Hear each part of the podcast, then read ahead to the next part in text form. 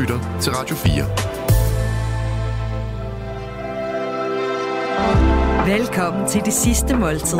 Din vært er Lærke Kløvedal. Journalist, forfatter og tidligere tv-vært på blandt andet Deadline, og i dag chefredaktør på Weekendavisen, Martin Krasnik. Velkommen til dit sidste måltid. Tak for det. Jeg har skrevet din øh, nekrolog, og vi skal spise dit måltid, som var det dit sidste. Og øh, den første nekrologoverskrift, den lyder sådan her. Alt, hvad Martin Krasnik rørte ved, blev interessant. Dansk journalistiks restløse, frygtløse, hårdeste hund er død. ja. Hvad synes du om den? Jamen, det, er mest en, øh, det var mest de, de sidste par år, der ligesom... Den hårdeste hund? Nej, er død. Er død. Ja. Det skal man lige øh, vende sig til, ikke? Når det, det sker. Jeg, jeg vidste faktisk ikke, hvilken af de to dele, du vil reagere mest Nej, det var mest det sidste. Ja. Hvordan, øh, hvordan øh, forholder du dig til døden? Jamen, øh, jeg vil sige, øh, med en vis nervøsitet afventende. øh, det bryder jeg mig virkelig ikke om. Og øh, det, gav mig, det gav simpelthen et sæt i mig, da du sagde det. Altså, jeg, jeg har simpelthen ikke øh, i løbet af dagen har tænkt på alt det dejlige mad, vi skulle spise, men jo ikke på, at konceptet er at se tilbage på et liv, efter man er død. Og at du dermed er i datid. Ja, og det sker jo en dag. Ja. Det sker en dag. Det er ubegribeligt, men det gør det. Og den dag rykker tættere og tættere på.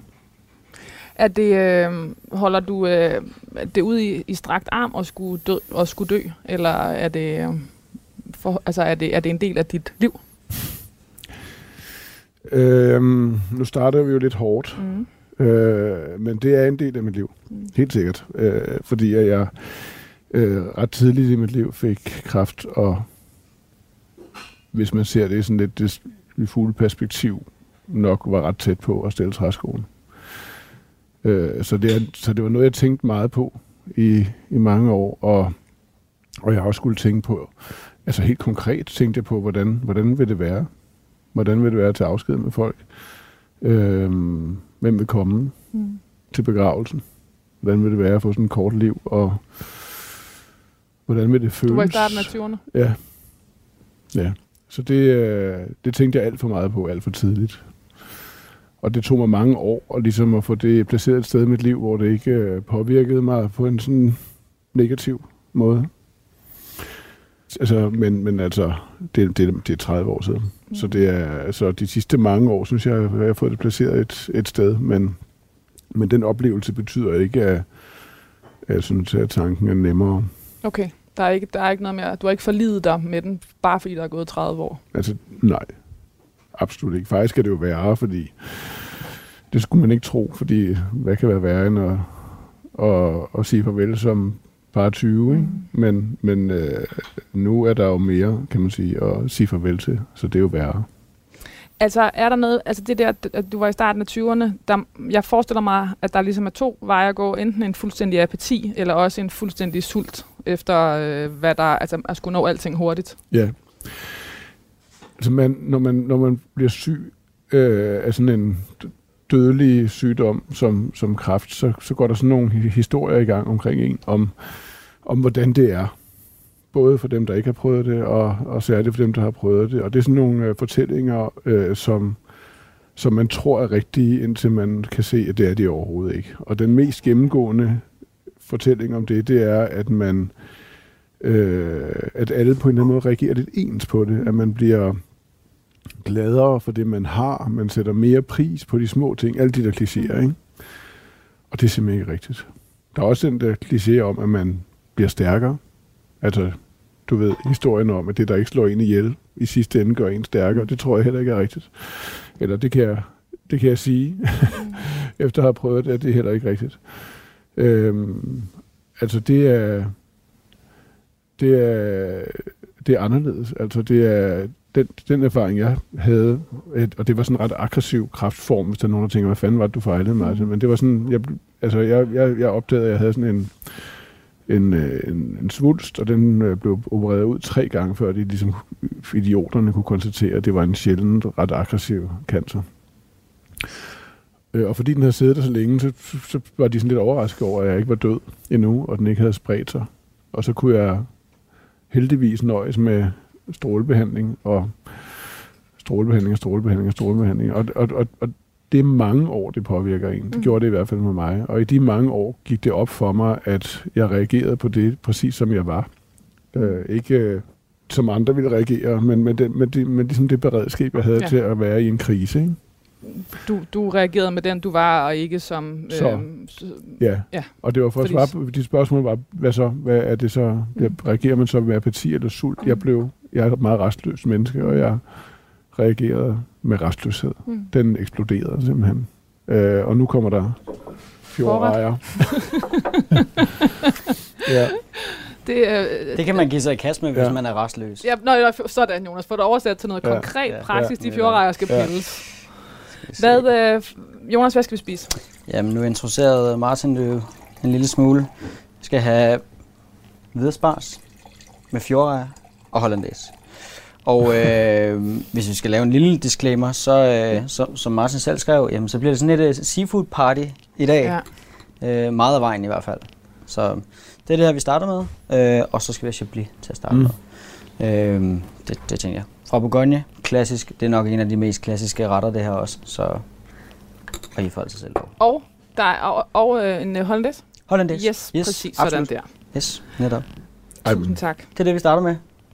Hvorfor skal vi have... Øh, seafood party. Hvorfor skal vi have seafood party? Hvorfor skal vi ja. i hvert fald have øh, videre spars med øh, ja, men, nå, nå, men det er jo fordi, at øh, altså, da vi først begyndte at skrive sammen, så var, så var, så, så var det, det var lige gået ind i sæsonen ja. fjordrejer, ikke? Jo. Det er lidt noget tid siden, men det er de er det. der stadigvæk. Vi har været frem og tilbage. Og de bliver hurtigt udsolgt nu. i fiskehandlerne ja. her i de her dage, kan jeg se.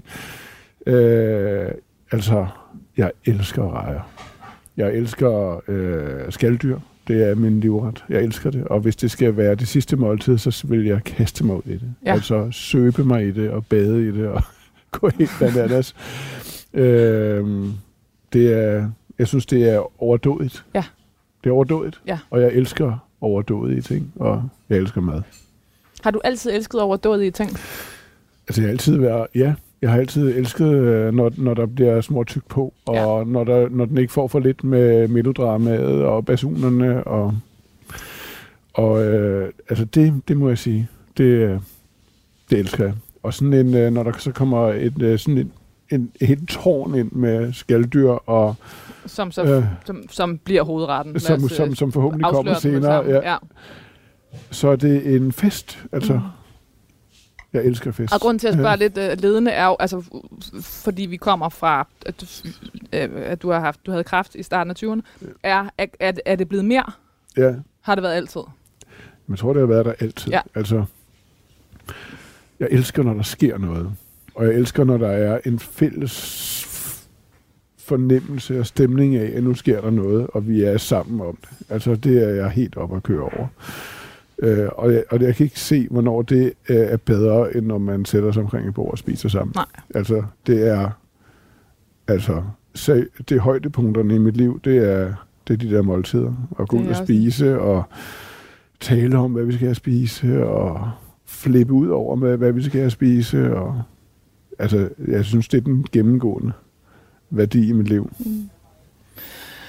Prøv at høre, mens du lige tager hollandæsen, så mm. læser jeg lige den første overskrift op for dig øh, ja. igen. For udover at du var død, så sagde jeg også, alt hvad Martin Krasnik rørte ved, blev interessant. Dansk journalistiks restløse, frygtløse, hårdeste hund er død. Og det vilde er, jeg kan jo se dig, altså du ved, som, som uh, chefredaktør, er der jo, altså jeg ved, det formoder du ikke selv, er helt nede og redigere mm. din uh, journalisters tekst. Men tanken om, at du skulle sidde og redigere den, er jo ja. føles på en eller anden måde mere realistisk med dig, end med tidligere gæster. Fordi ja. du, det er jo har været en del af dit arbejde, en stor ja. del af dit liv. Men jeg er ikke nogen hård hund. Det, sådan, vil du ikke, sådan tænker du dig ikke? Tværtimod. Tværtimod. Altså, jeg er lige det modsatte. Jeg er blød som smør. Virkelig. Øhm,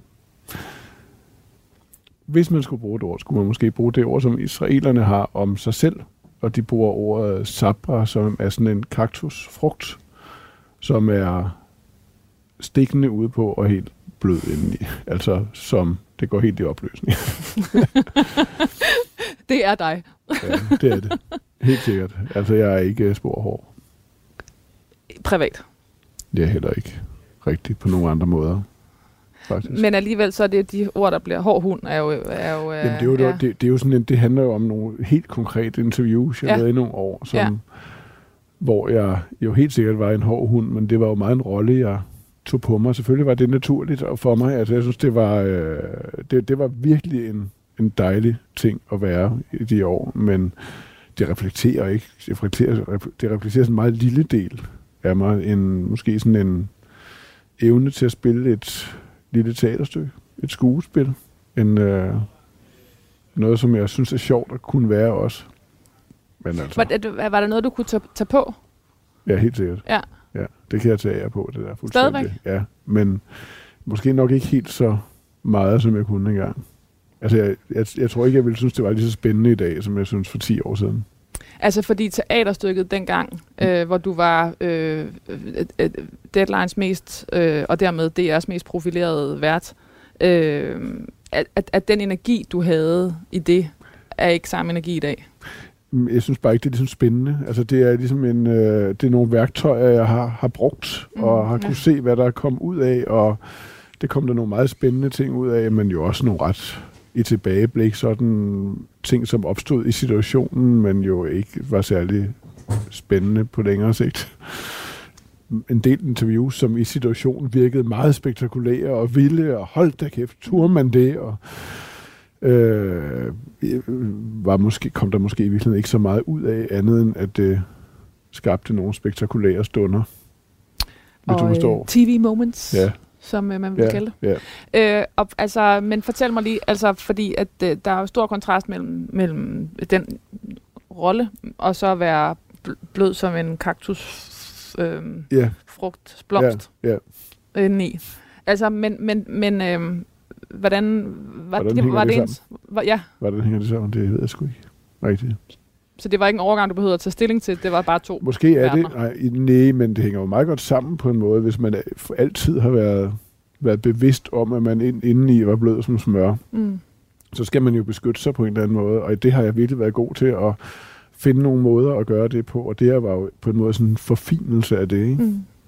Altså, nu kunne, man- altså, og- perfekt jo på en måde også, fordi det var jo, jo ikke engang virkeligt. Det var med trådt op på en scene sammen med et andet menneske og spotlight på, og så skulle vi udføre det her teaterstykke, hvor jeg var den, hvad var det, du sagde, den hårde hund, ikke? Mm. Øh, og så det var, på den, altså det var perfekt jo, så kunne jeg tage det af igen, når jeg gik ned på scenen igen, ikke? Og, øh, og have spillet rollen som den hårde hund, Ja, og tænke, haha, og så gå hjem og være noget andet. Ja. Eller, jeg ved ikke, om du tænkte haha, men øh, Ja, det gjorde jeg nogle gange, og andre gange havde jeg frygtelig dårlig samvittighed, ikke? havde du? Ja, hvis jeg... Altså, hvis man skal være helt ærlig, og det kan man jo lige så godt være sådan her på gravens rand, ikke? Mm. Jeg taler vel faktisk nede for kisten. Ja. ja. Så, så var der jo selvfølgelig situationer, hvor, hvor, hvor jeg sad og interviewede folk, som, hvor jeg greb fat i deres abs, altså de, de steder, hvor de virkelig havde nogle svagheder, Mm. og fokuserede helt altså intensivt på dem, ikke? Men det var jo måske ikke helt rimeligt i forhold til, hvad de ellers kom med, og den situation, det var i. Men altså, Og, det, og det, har du, det havde du nemt job. ved at spotte svagheden. ja. Ja. Ja, jeg har en sindssygt god radar eller antenne for, hvordan folk har det. Inklusive, hvis der er noget, de går og skjuler lidt. Eller bare ikke er så god til. Ja. Ja. Helt vildt. Ja. Det kan jeg fornemme, før jeg overhovedet øh, tænker tanken, faktisk. Et, øh, et, øh, et, vagt, et vagtsystem. Ja, Ja. Men, men jo også, men, øh, men, men, jeg, men, men det er en retter, der også gælder mig selv. Jeg kan også mærke, altså, jeg, jeg er også fuldstændig lige så hyperbevidst om mine egne styrker og svagheder. Martin, den næste den lyder sådan her.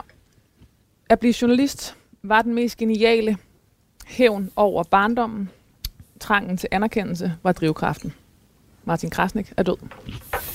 Den var rigtig. Den var meget præcis. Fuldstændig. Den sidder lige i øjet. Men det er også noget, jeg selv har sagt. Det er det nemlig.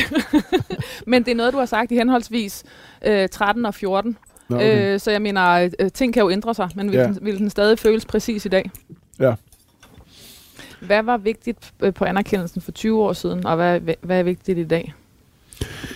Jamen, altså for 20 år siden, eller for 10, eller da jeg startede overhovedet for 30 år siden, der var der noget med, øh, der var noget med hyppigheden. Det skulle være hele tiden. Mm. Du skulle Altså, udkomme ofte. Jeg skulle udkomme hele tiden. Og jeg startede jo på weekendavisen, og det var jo en gang om ugen, det var jo sjældent. Så det var hver uge, og det var mange artikler hver uge. Jeg skulle være der hele tiden. Jeg arbejdede som en Du skulle fylde avisen. sindssyg. Ja. Sindssyg, altså. Men jeg vil gerne være på farten, men jeg vil gerne også anerkendes. Ikke? Altså, jeg vil gerne uh, ses. Jeg, var- altså, jeg var lille bitte. Altså, nu du taler om størrelse. Jeg havde kæmpe, stort, rødt, krøllet hår og gigantiske briller og bøjle med nakketræk og fortændslæsp. Og sådan som så jeg ud til alt for længe. Så man kan måske også måske forstå, når man ser billederne af, af mig dengang, at den dreng, lille dreng, det har nok også haft behov for at blive set Mm. som andet end sådan en lille weirdo, ikke? At blive fætteret tv-vært i ruden. Ja, for fanden, altså. Det, det har helt sikkert. Det har betydet enormt meget for mig. Det har det virkelig. Den sidste, lyder den sidste nekrologoverskrift lyder sådan her. Martin Krasnik havde hele sit voksne liv været en vidunderdreng. Ingen, der observerede ham undervejs, var i tvivl om, at han ville drive det vidt. Det lyder som en kedelig overskrift. Er, det, er, er dramaturgien for enkel? Det er bare for latterligt. Okay, den er for nem. Ja. Hvad fald en vidunderdreng, og ingen var i tvivl. Og altså, når nu kæft. Jeg synes, det er sjovere at snakke om det der med, hvordan altså, det, man gør gennem livet, ændrer sig. Altså, der, på en eller anden måde er det det samme, men på, på en måde fuldstændig noget andet. Ikke? Mm. Altså, nu vil jeg jo gerne være derude stadigvæk, og altså, anerkendes, og, men det er jo meget langsomt, og nu sidder jeg som chefredaktør for en avis, og kæft, det er en langsom skude, ikke? Mm. Men jo ikke kun det, det er jo også noget med, at jeg nu har, det havde jeg jo ikke for 30 år siden, der havde jeg jo ikke, eller for 20 år siden, havde jeg ikke fem børn. Nu har jeg fem børn, ikke? Øh, altså, nu, altså, det, er jo dem, der fylder mest, ikke? Og en familie og en kone, og øh, altså, som, altså den familie er, det er jo hovedprojektet, ikke? Mm. Og det er, altså, så, så nu, så nu kanaliserer jeg jo det meste af min restløshed og anerkendelsestræk over, over i det, ikke? Martin, du skal vælge en af overskrifterne, eller også skal du Ja. hjælpe mig med at Okay. finde en ny. Hvad Den første lyder sådan her. Ja. Alt, hvad Martin Krasnik rørte ved, blev interessant. Dansk journalistiks restløse, frygtløse, hårdeste hund er død. Nummer to. At blive journalist var den mest geniale hævn over barndommen. Trangen til anerkendelse var drivkraften. Martin Krasnik er død. Og den sidste lyder. Martin Krasnik havde hele sit voksne liv været en vidunderdreng. Ingen, der observerede ham undervejs, var i tvivl om, at han ville drive det vidt. Den sidste stryger vi, Den stryger vi. og så kan vi kombinere nummer et og to Mhm. mm. på en eller anden måde. Ja, især i sådan nogle, det kunne være en weekendavisende overskrift, der godt kunne køre den lidt langt. Ja, ja. Det gør mm. vi. Mm. Så det er i hvert fald det, der er interessant. Det er øhm, selvfølgelig, at det, du journalistisk rørte ved, blev, blev interessant. Det er en værdi, fordi du er journalist. Mm. Så derfor ja. har du opfyldt noget ja. I den sætning. Restløsheden kommer vi ikke helt udenom. nej. Og det frygtløse står du gerne ved. Ja. Hårdeste hund er du mindre med interessant den. i. Ud med den. Ja. Øh, og, og hævn over barndommen, Ja, men kan, man, ikke- kan det ikke komme ned i teksten? og den starter vi på nu. Martin Krasnik blev født i 1971 og voksede op i København og i Israel. Mhm. Han var ældste søn i en søskendeflok på tre. Faren var læge og professor Allan Krasnik, og moren bioanalytiker Else Krasnik. Martin voksede op i en ikke-troende jødisk familie, præget af et klassisk kønsrollemønster. Og så står der her, hvor holocaust-traumet fra bedsteforældrenes generation lå og lurede. Ja. I Krasniks familie talte ingen om, hvor påvirket hans bedsteforældre og forældre havde været af holocaust. Selv spurgte han sin farfar og mormor flere gange, men det eneste han fik var eventyrfortællinger om, hvordan farfar, farfaren og farmoren havde mødt hinanden i lejren, blev gift af en SS-officer og ni måneder senere fik et barn. Martin Krasnik havde som barn en ekstrem trang til at ruske i dem. Kom nu, sig noget. Gud, hvor er det godt. Det er fra Ud at se 2013. Okay. Altså, det, min farfar sagde det altid. Han, jeg, når jeg spurgte ham, mm. hvordan var det? Og så sagde han altså, Jeg sagde sådan noget med, at det var spændende at være i en koncentrationslejr, fordi man var sådan en ung, en ung medicinstuderende der i, i, i, i 20'erne. Hvilken chance skulle man ellers få nogensinde for at møde så mange spændende mennesker fra hele Europa? Og hvad skulle man ellers lave, når man lå der i barakkerne og snakke sammen? Men det, altså, det var sådan, han, han bearbejdede det jo, ikke? Det blev sådan en beautiful life-fortælling. Ja, men han blev nødt til at... Og, og, det, og han kom så virkelig godt. Mm. Altså, han havde en evne til at fortrænge. Han sagde det selv, hvad er din bedste egenskab, det er at fortrænge. Altså, og, og, og, og, og, så, og sådan kan man ikke dele folk op, der har oplevet sådan noget i to, men måske kan man alligevel gøre det lidt. Altså, dem, der overlevede, og dem, der kom sig og havde et liv bagefter, det var dem, der kunne glemme det, og dem, der ikke kunne, de, de fik deres liv forståeligt nok smadret, ikke?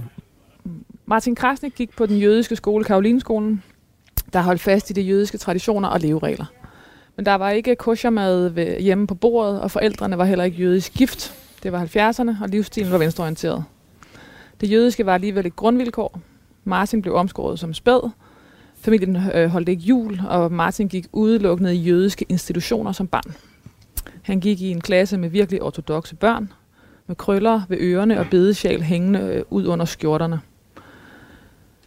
Næsten Mm. uanset hvor han var henne, følte han sig en lille smule udenfor.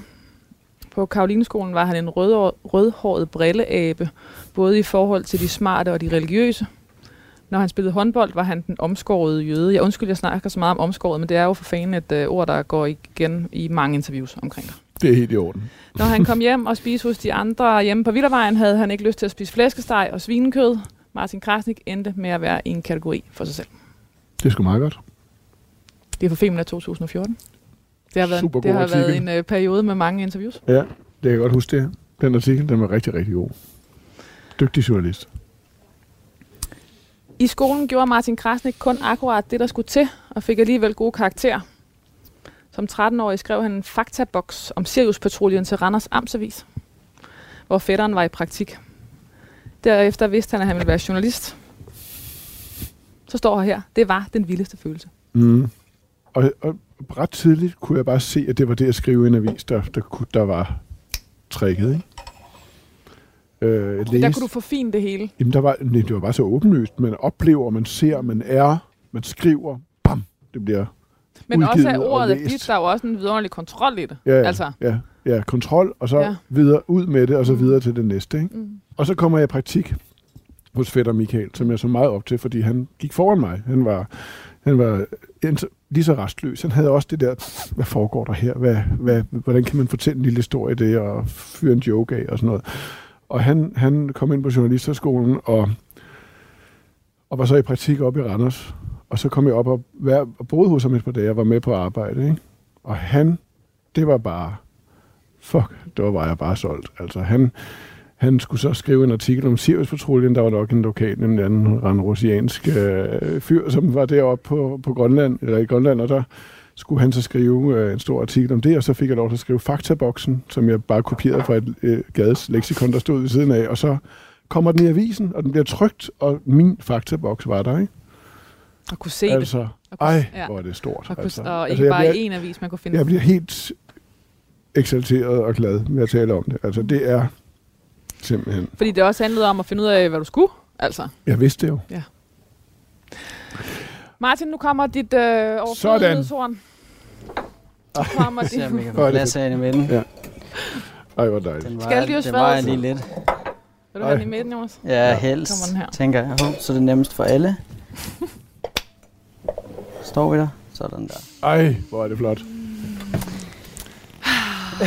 Åh, det er her, der burde være billeder på her med Ej, det samme. ja, Ja. Skal vi beskrive Ja. det? Skal Beskriv vi det. fortælle? Beskriv. Start op fra. Ja, vi starter op Martin fra, øh, som man jo gerne gør. Øh, vi har Østers øverst. Ja. Øh, der er seks styk. Nedenunder på næste etage har vi nogle store rejer. Nu kommer vi fra de små. Nu må vi videre. Vi kommer op fra Store, flotte rejer, i, som nok i, ikke øh, er hovedret, nok- eller forretten, nu skal vi Ja. videre til hovedretten. Ja. som nok hverken er danske eller grønlandske. Men der, det, må, det, det må vi lige høre, hvor kommer fra. Og så er der noget kammusling. Korrekt. Og nederst er der simpelthen en overdådighed af hummer, og er der noget jomfruhummer, Ja. Og er der krabbe inde bagved. Ja. Ej, hvor er det dejligt. De ligger simpelthen hulter til bulter, som om de lige er kommet op af. af vandet. Hvad Det vil man, hvad vil man mere? Jeg må sige, at jeg kan ikke i hele verden forestille mig noget bedre end sådan et Nej. tårn her. Perfekt. Altså, så det er en værdig måde at gå ud på. Hold da kæft. Så vil det ikke gøre så meget. Nej, men der er simpelthen noget med at spise sig ned i skalddyr, og så Det, et... Øh, det, det smager godt. Det er, og så tror jeg, det er noget med den der restløshed. Jeg spiser altid alt for hurtigt. ah, og Jeg her bliver du tvunget til her- at her- det gå kan ned i tempo. Ja, Nej, det kan ja, man simpelthen ja. ikke. Nej, At det vil slet ikke give mening at blive færdig med det her på 10 minutter. nej, Og, nej, der er simpelthen en helt naturlig sådan, øh, Ja. øh, Ja. øh, tids... Øh, Ja. man, man, man, går, man går ned Ja. i, øh, i, Ja. i tempo. Ja, Et- det et- bliver man et tvunget til, og man bliver nødt til at tale sammen Ja. imens. Hvad Ja. skulle man ellers lave? Og det er, der er noget fysisk ved det også. Det er noget sjask. Man bliver fedtet ind i det, ikke? Jo. Øh, Og dermed vådservietten, som Ej. du selvfølgelig har tænkt på, Jonas.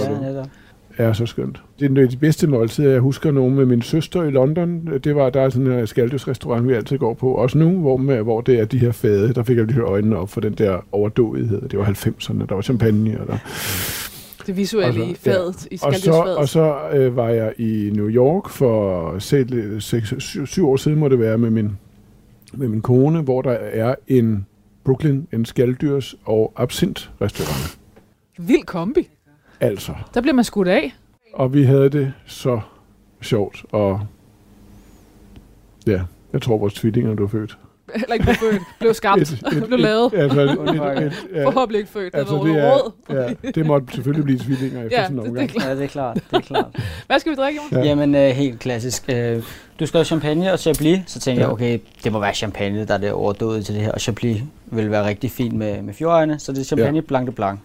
Og du lader simpelthen, okay, 100% optog Jonas, så du har simpelthen bare begge øh, flasker stående på bordet. Så kan Nej, man gå den- tilbage den til står her, her, og så kan så her. champagnen Ja. her. Der er lidt, er der Okay. mere, hvor det kommer fra. Okay. Og så er der øh, mayo på siden og restaurant. Ja, og så brød. Det er sådan, Lidt jeg kan og også godt, det ja, kan jeg meget godt lide, men Ja. det er jo, hvad man, hvad man har Ja. temperament, ikke? Skål. Skål. Vel, velbekomme. What's not to like? What's not to like?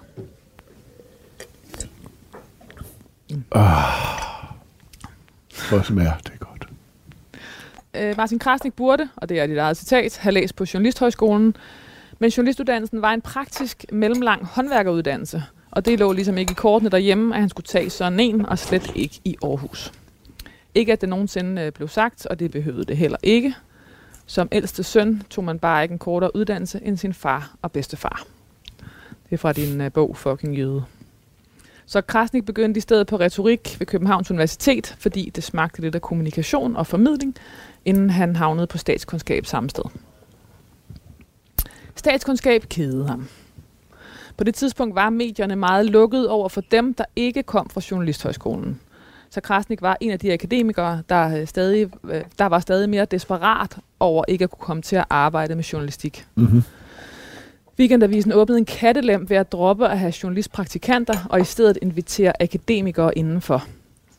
Der var sat opslag op rundt omkring på universitetet, og Martin Krasnik gik og rev dem ned, så der ikke var andre, der opdagede opslaget.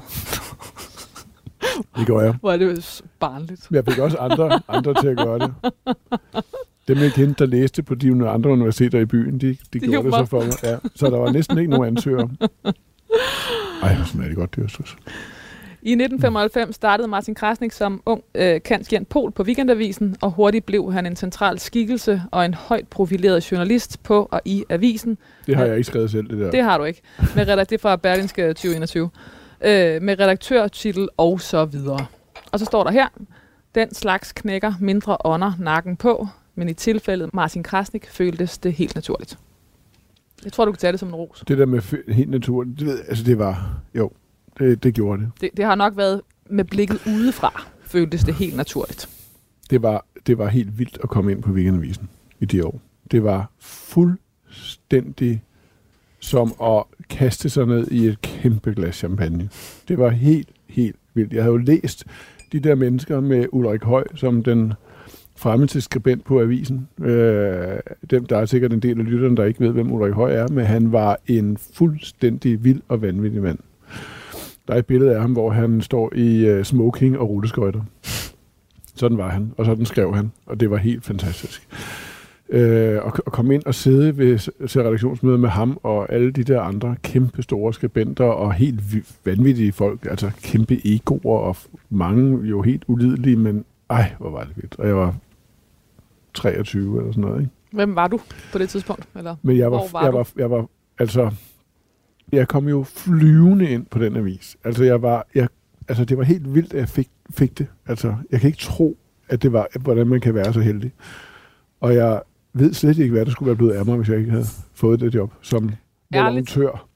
Er, er, ærligt, er det stadig en sætning, du Ja, kan sige? helt sikkert. Altså, Okay. okay. fordi jeg kan slet ikke se den, den, den, jeg kan slet ikke se nogen andre veje til det, jeg, der, hvor jeg er i dag, end gennem lige præcis den avis. Altså, fordi det var så... Altså, den der vildskab, der var, og øh, øh, trang til at, øh, at gå ud, og også, nu er det også på andre aviser, men det var bare her, jeg føl- følte mig hjemme. Ikke? Altså, øh, øh, altså en trang til at være i verden og opleve den, og så mm, tage det og mm, mm, modellere det, og så lave en fantastisk fed tekst ud af det. Ikke bare en, en tekst, men et, et lille værk simpelthen. Et teaterstykke, som man opført med ikke sig selv i hovedrollen, men måske som instruktør, eller nogle gange med sig selv i hovedrollen, faktisk. Ikke? Jeg, jeg følte mig så hjemme i det, altså, og, og jeg tænkte bare, altså nu, det var, jeg havde det sådan, at nu, nu er det nu eller aldrig. Hvis det her ikke lykkes, så kan jeg så godt dø, ikke? Og så blev jeg faktisk syg samtidig. Altså, det havde været på avisen i, i nogle få måneder, så fik, så fik jeg den der kraftdiagnose. Og så smeltede det ligesom sammen. Altså, den der energi, som jo handlede om at ville være journalist, og ville være det der, og gøre det godt, inden det var for sent, kom pludselig til at handle om, at nu var det måske for sent, lige om lidt, ikke? Så det, det, det giver er- altså inden- lidt af en, øh, det giver altså ild i røven, kan jeg, kan jeg godt sige. Og inden det blev for sent, blev det, øh, er, det en efter, altså, er det en tanke i øh, efterrationalet, eller var det en følelse, du var? Det var fuldstændig sådan, jeg havde det. Mm. Altså, jeg, tror, jeg er ikke sikker på, at jeg formulerede det præcis sådan for mig selv, fordi jeg var så bange jo. Altså, det er, altså, så det er ikke sådan, nu skal jeg bare æde med med sætte et aftryk, inden jeg tjekker ud som 25-årig. Mm.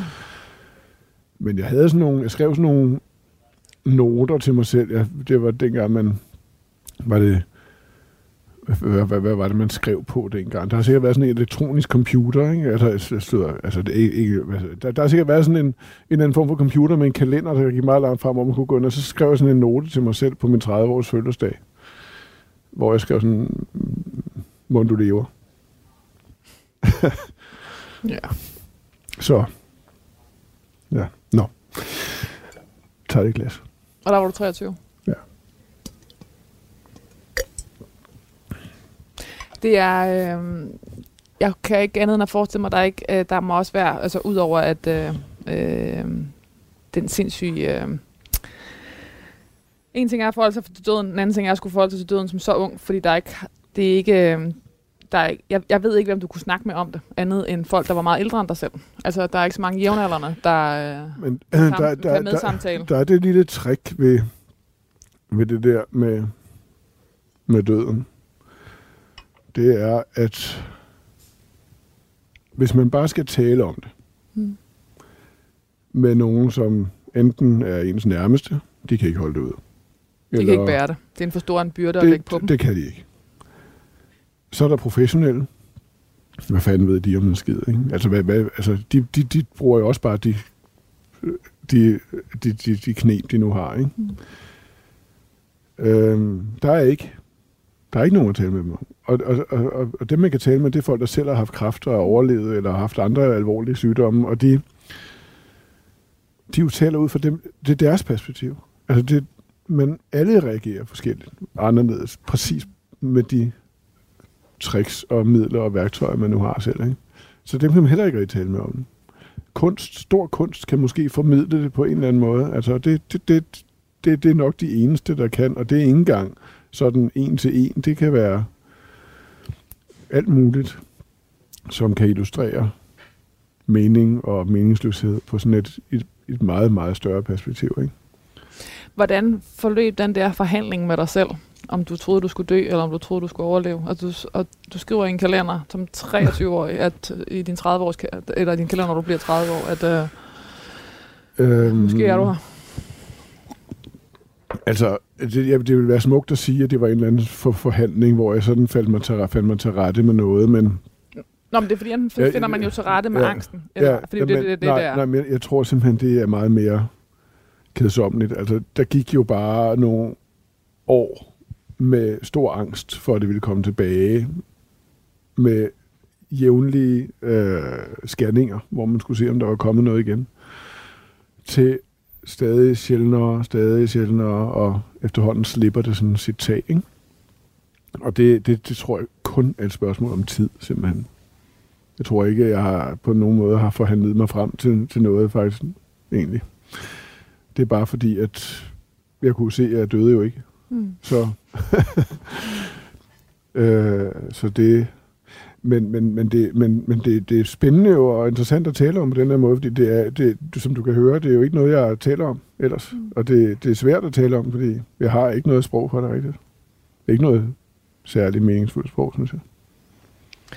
Og var det også fordi, at, altså, at du fandt ud af på det tidspunkt, der var ikke nogen at tale med om det, andet end måske den store kunst? Eller, altså, Det som en- med også abstrakt. Men til gengæld er det en stor lettelse også at, okay. At, at konstatere, at det, altså, at man behøver måske ikke tale med så mange om det. Måske var det det, de, min farfar kunne konstatere, at hvad fanden skal man tale om, altså? Ja, hans, Hvad er det egentlig Det overhovedet? er hans fineste evne var at fortrænge. Ja, altså hvad, hvad er det egentlig, man skal tale om? Altså man kan tale om andre ting, som giver mening, og man kan først og fremmest gøre ting, som giver mening, ikke? Gennem sit arbejde, og gennem sine venner, og relationer, og børn, og ægtefælle og familie. Det, er altså, alt sådan noget, det er jo en måde at tale om det på, men uden at rigtig at tale om det, ikke? Ja.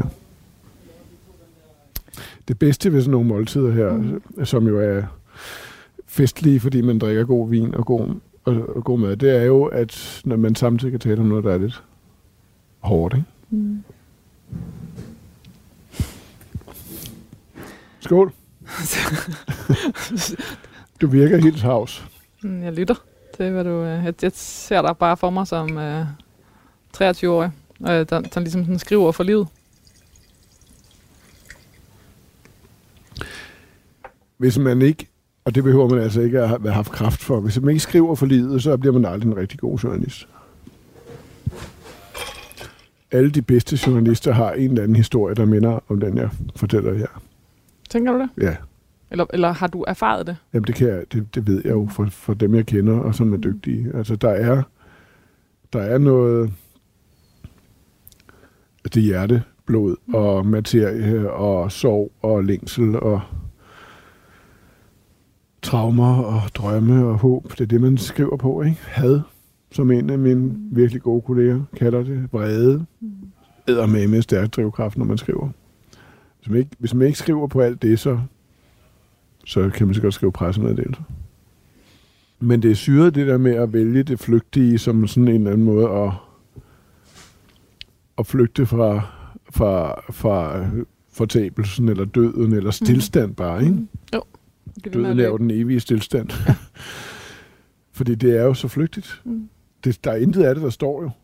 Intet af det, jeg laver, står for eftertiden. Nej, men var det, var, var, Altså- det, var det derfor også en vigtighed i at, at skrive bøger, eller var Men det... det er også, altså de Det er bøger, ligesom skrevet, de det er jo sådan bøger. nogle journalistiske bøger, ikke? Altså de er jo sikkert fine, men der er jo ikke om 30 år, er der jo ikke nogen, der ved, hvad det er.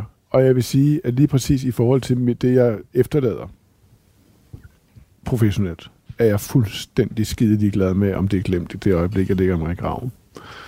Altså, det, ja, det betyder noget for mig. Det betyder noget for nogle mennesker, der er her lige nu.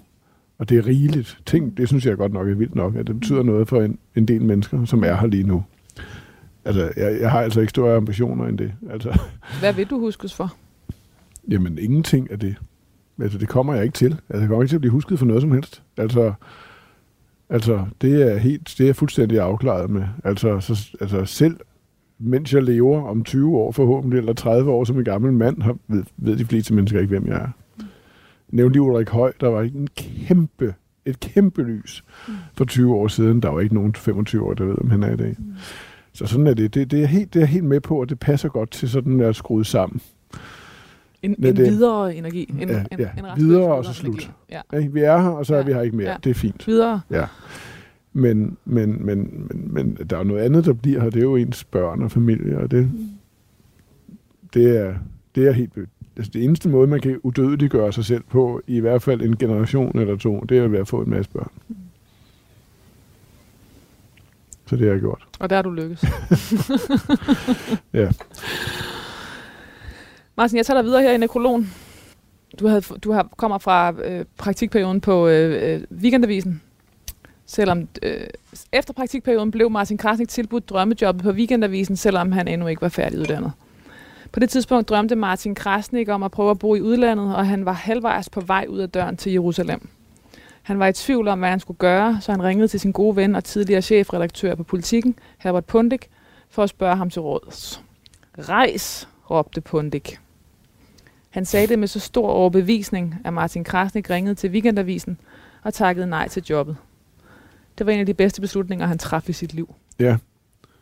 Da Martin Krasik var 23 år, fandt han ud af, at han havde kræft. I begyndelsen sagde lægerne, at de først ville amputere hans arm, fordi det sad i håndledet. Det var på et tidspunkt i hans liv, hvor han for første gang syntes, at alting kørte. Han var i praktik på Weekendavisen. Han havde fået en fantastisk kæreste og var på vej til Israel for at skrive og studere. Og her kommer dit eget citat. Jeg kan med sikkerhed sige, at man hverken bliver klogere eller gladere af at se døden i øjnene. Folk siger, at man bliver stærkere eller værdsætter livet mere af at være så tæt på døden. Det er noget vrøvl. Et ungt menneske bør ikke få den indsigt, at han skal dø. Det gør ham kun svagere. Det har du sagt for 10 år siden i Euroman. Euroman. Nå. Tænk ja. Og jeg tænker, det var præcis det samme, du sagag. Men det er også rigtigt. Det var det for mig. Og, det, Jeg og jeg mener bare, det det er ikke noget, der har ændret sig på det. Du ved, det er ikke, at, at Nej. den... Øhm, Nej, nej, nej det, jeg synes det faktisk ikke. Og det... Altså, jeg synes, det er ret simpelt. Altså, døden er meningsløs. Vi kan ikke forstå den. Så er vi her, og så er vi her ikke.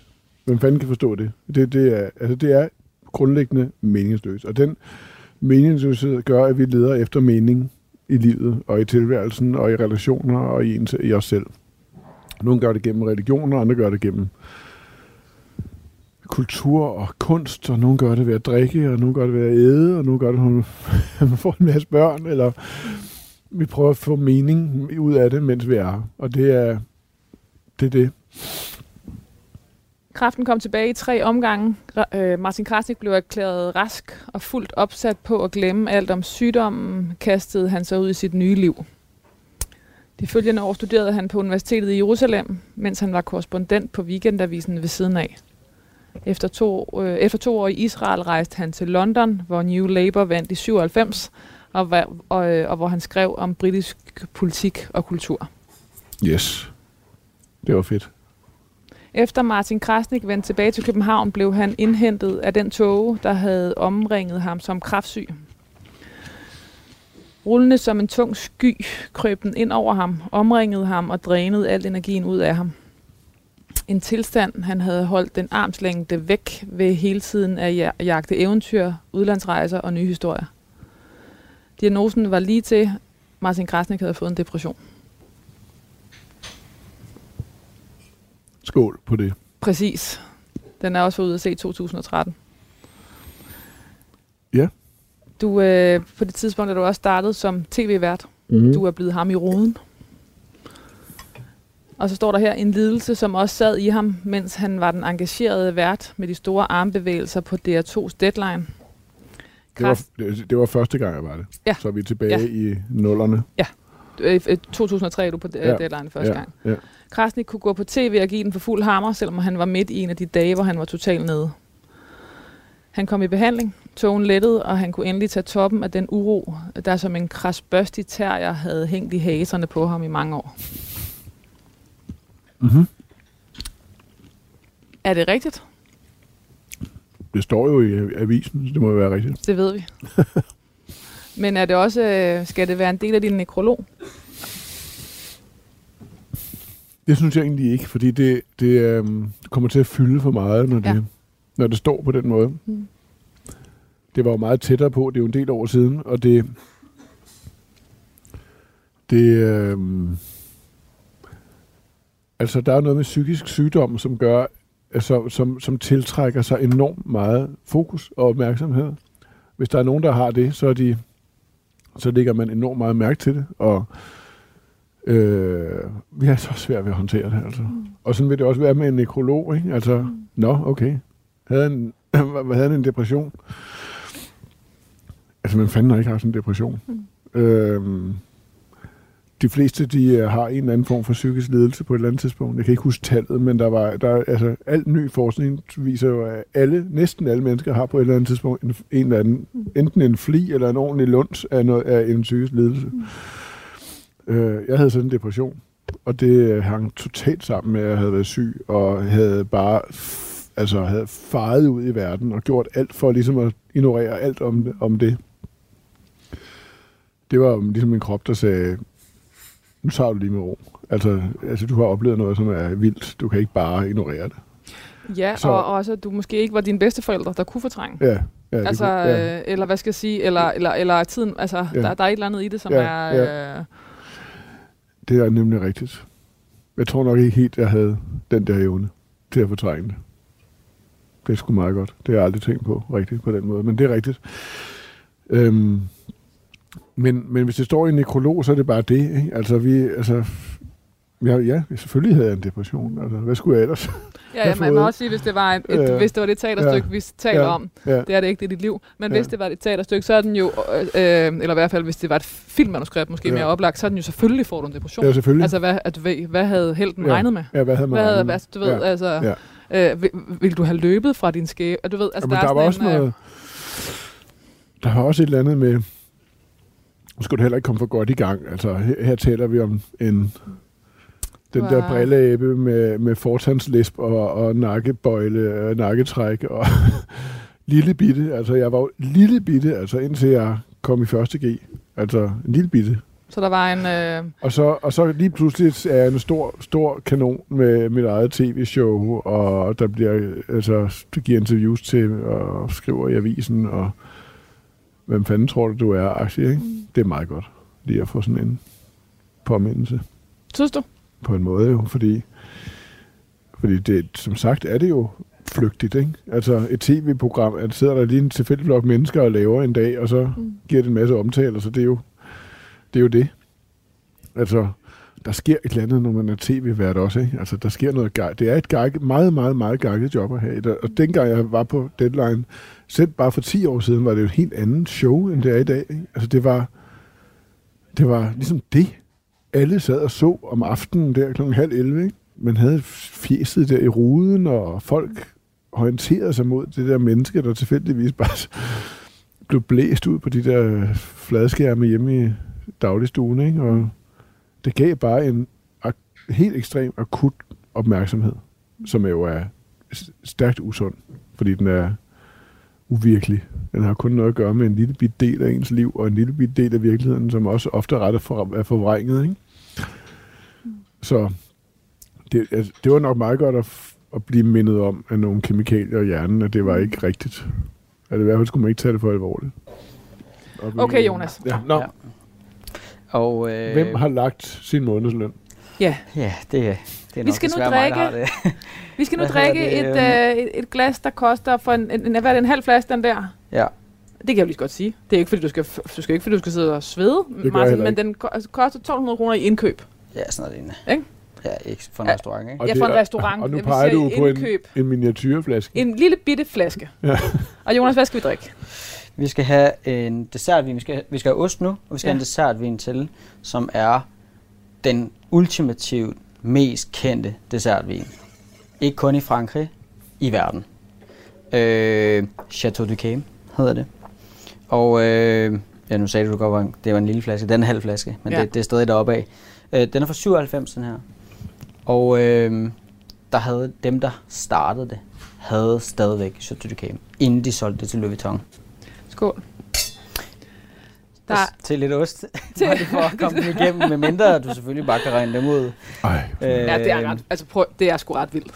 Det smager Ja, godt. det må man skulle sige. Altså, jeg kan må ærligt indrømme, jeg er ikke selv sådan uh, kæmpe sød vinfan, men, men det her er jo for fanden noget... Ja. Uh, Og, og kæmpe jeg synes, det man rigtig meget kan smage ved den, den, sådan, den er virkelig lang.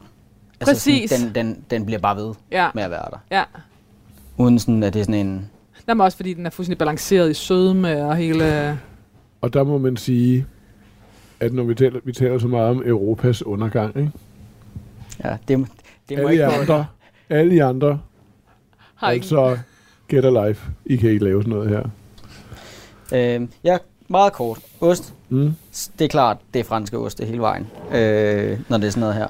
Det er sådan Så- sted, stedfortræder ost for at kunne få Chateau igennem, ikke? for- lidt med, ikke? øh, så fra venstre er det Comté, så er det Morbier, og så er det Bridimor. Så er det lidt holdning, ikke? Martin Krasnik kom tilbage til Weekendavisen.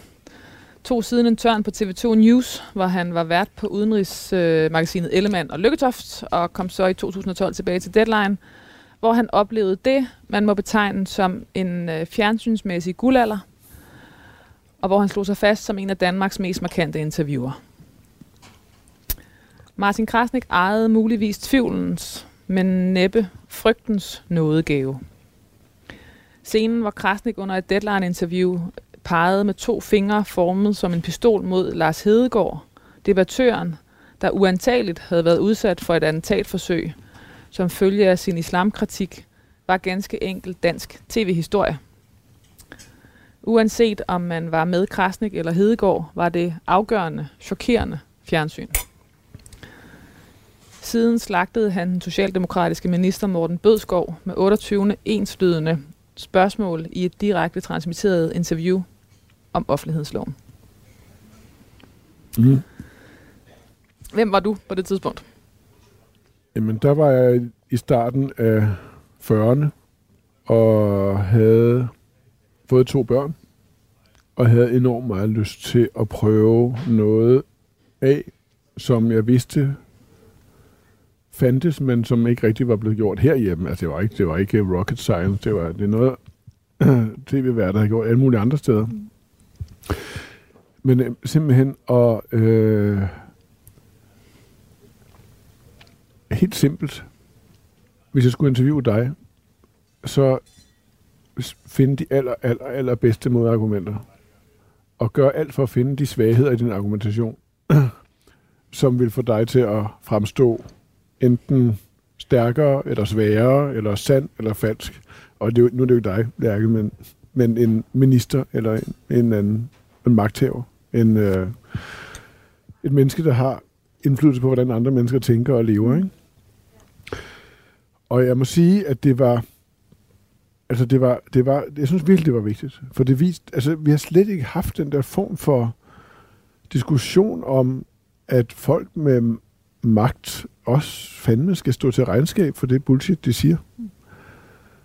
Øh, det var gået helt bananas. Altså, i årene op til var der slet et, fandtes simpelthen ikke et rigtigt interview med politikere eller magthavere af forskellige arter. Det fandtes ikke. Det findes ingen Der var i steder. hvert fald kommet et spindoktorlag ind over, Ja, som, og, jamen, øh, jo som, også som lidt medierne, nej, nej, medierne var endnu værre. Altså, det var ikke engang dem, der var det værste problem. Medierne var, det var sådan noget med tre minutter og så videre til det næste, og man nåede jo aldrig at få et eneste rigtigt meningsfuldt svar. Ikke?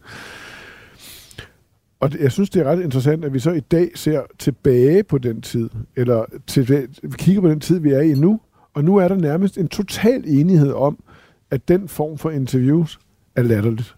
Det findes bare ikke længere. Medierne synes, det er latterligt. De fleste, ganske, ganske få medier holder fast i det. Offentligheden, politikerne, synes, at det, det, det hører ikke nogen steder hjemme at blive ved med at stille kritiske spørgsmål, og igen og igen og igen og insistere på svar. Altså, det er, det er simpelthen øh, nederen, vil jeg sige. Altså. Og nogle gange tænker jeg, at det hele var spildt, det jeg lavede, fordi at det, øh, at nu er det alle bare enige om, at den slags interview skal man ikke have i dag. Jonas, Og nu kommer der noget i glasset. som jeg aldrig har smagt. Det havde jeg faktisk heller ikke selv. Men øh, det har jeg nu. Og øh, Martin skrev til os, øh, at inden han skulle på skafottet, så kunne vi Det var godt, ordene. Det var ordene. Så kunne vi godt have det lidt sjovt. Og øh, jamen altså, det er en, øh, en Hemingway cocktail, bliver det kaldt, så det er, en, det er Hemingway, Ernest Hemingway. Øh, han, han drak simpelthen absint, og det, er jo, det kan være det der, der er en forkærlighed for absint. Øh, og så, øh, så topper man det med, øh, med champagne, simpelthen. nu til dag, så tror jeg, man kommer lidt, lidt sig op i for sådan at, at gøre den lidt mere sådan... Der var, det, Men, du kom øh, ind med, det var et glas med absint, og så du hældt champagne i. Så er det champagne. Og så sagde Hemingway jo noget med, at så- at det skal være lige præcis, så det får det der mælkehvide skær, som det har nu, ikke? Og så har du også lavet en dessert.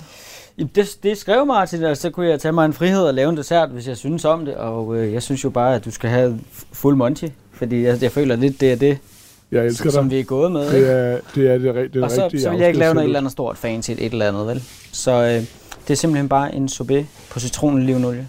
Ej, Øh, en lille Perfekt. smule salt og lidt olivenolie. Ja. Sådan. Så det er Tak. simpelthen ordene. Tusind, Velbekomme. tusind tak, Jonas.